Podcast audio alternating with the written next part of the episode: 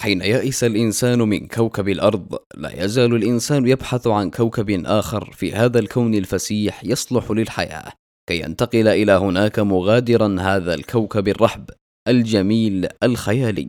لا أدري. قد يكون لامتلائه بما ينغص على الناس معيشتهم أو لضيق الحياة ولكن لا أعتقد أن هذا السبب كافيا. فالله سبحانه وتعالى قال في كتابه العزيز ألم تكن أرض الله واسعة؟ نعم فإن أرض الله واسعة. فإن كان هنا قطعة أرض بمساحة 800 متر بثلاثة ملايين ريال فبهذه القيمة نشتري جزيرة كاملة الآن في اليونان.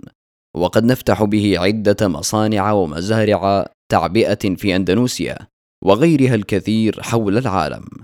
ولكن الغريب أن هناك منظمات عالمية مختلفة يتركون هذا كله ويدفعون المليارات لأبحاث الفضاء لتأتي لنا فكرة مشروع أسجارديا وهي أول دولة تعيش في الفضاء والتي أسسها رجل الأعمال الروسي أيغور أشوربيلي.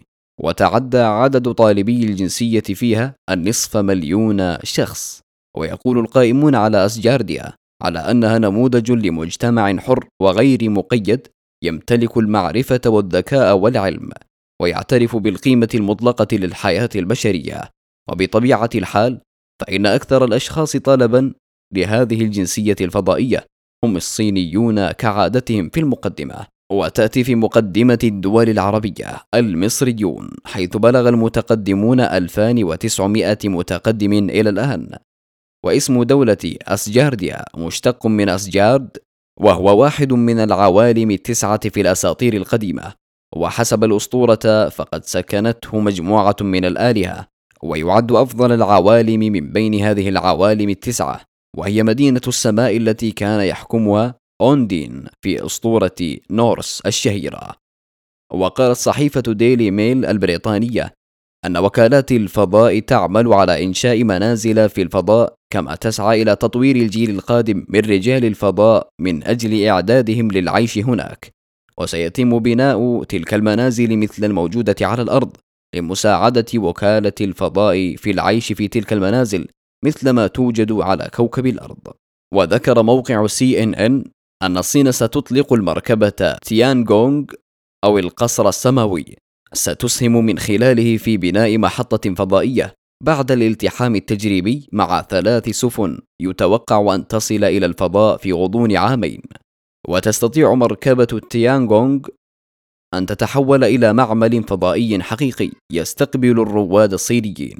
الظريف في مسمى أسجارديا أن هذا الاسم تحديدا موجود في سجلات هتلر المهربة والمسروقة من قبل الأمريكان والروس عند احتلالهم للوثائق الخاصة بهتلر والمفاجأة بأن أسجارديا مسجلة باسم جزيرة كبيرة موجودة فعلا داخل جوف الأرض من جهة فتحة القطب الشمالي التي تسمى فتحة جوف الأرض ويسكن بها الرماديون وهم شعوب مختلفة وأجناس متنوعة ويقال أن منهم يأجوج ومأجوج وقد ذكرهم أكثر من مؤرخ عربي في رحلاته منهم الرحالة الكبير ابن فضلان والذي أرسله الخليفة العباسي للتعريف بالإسلام.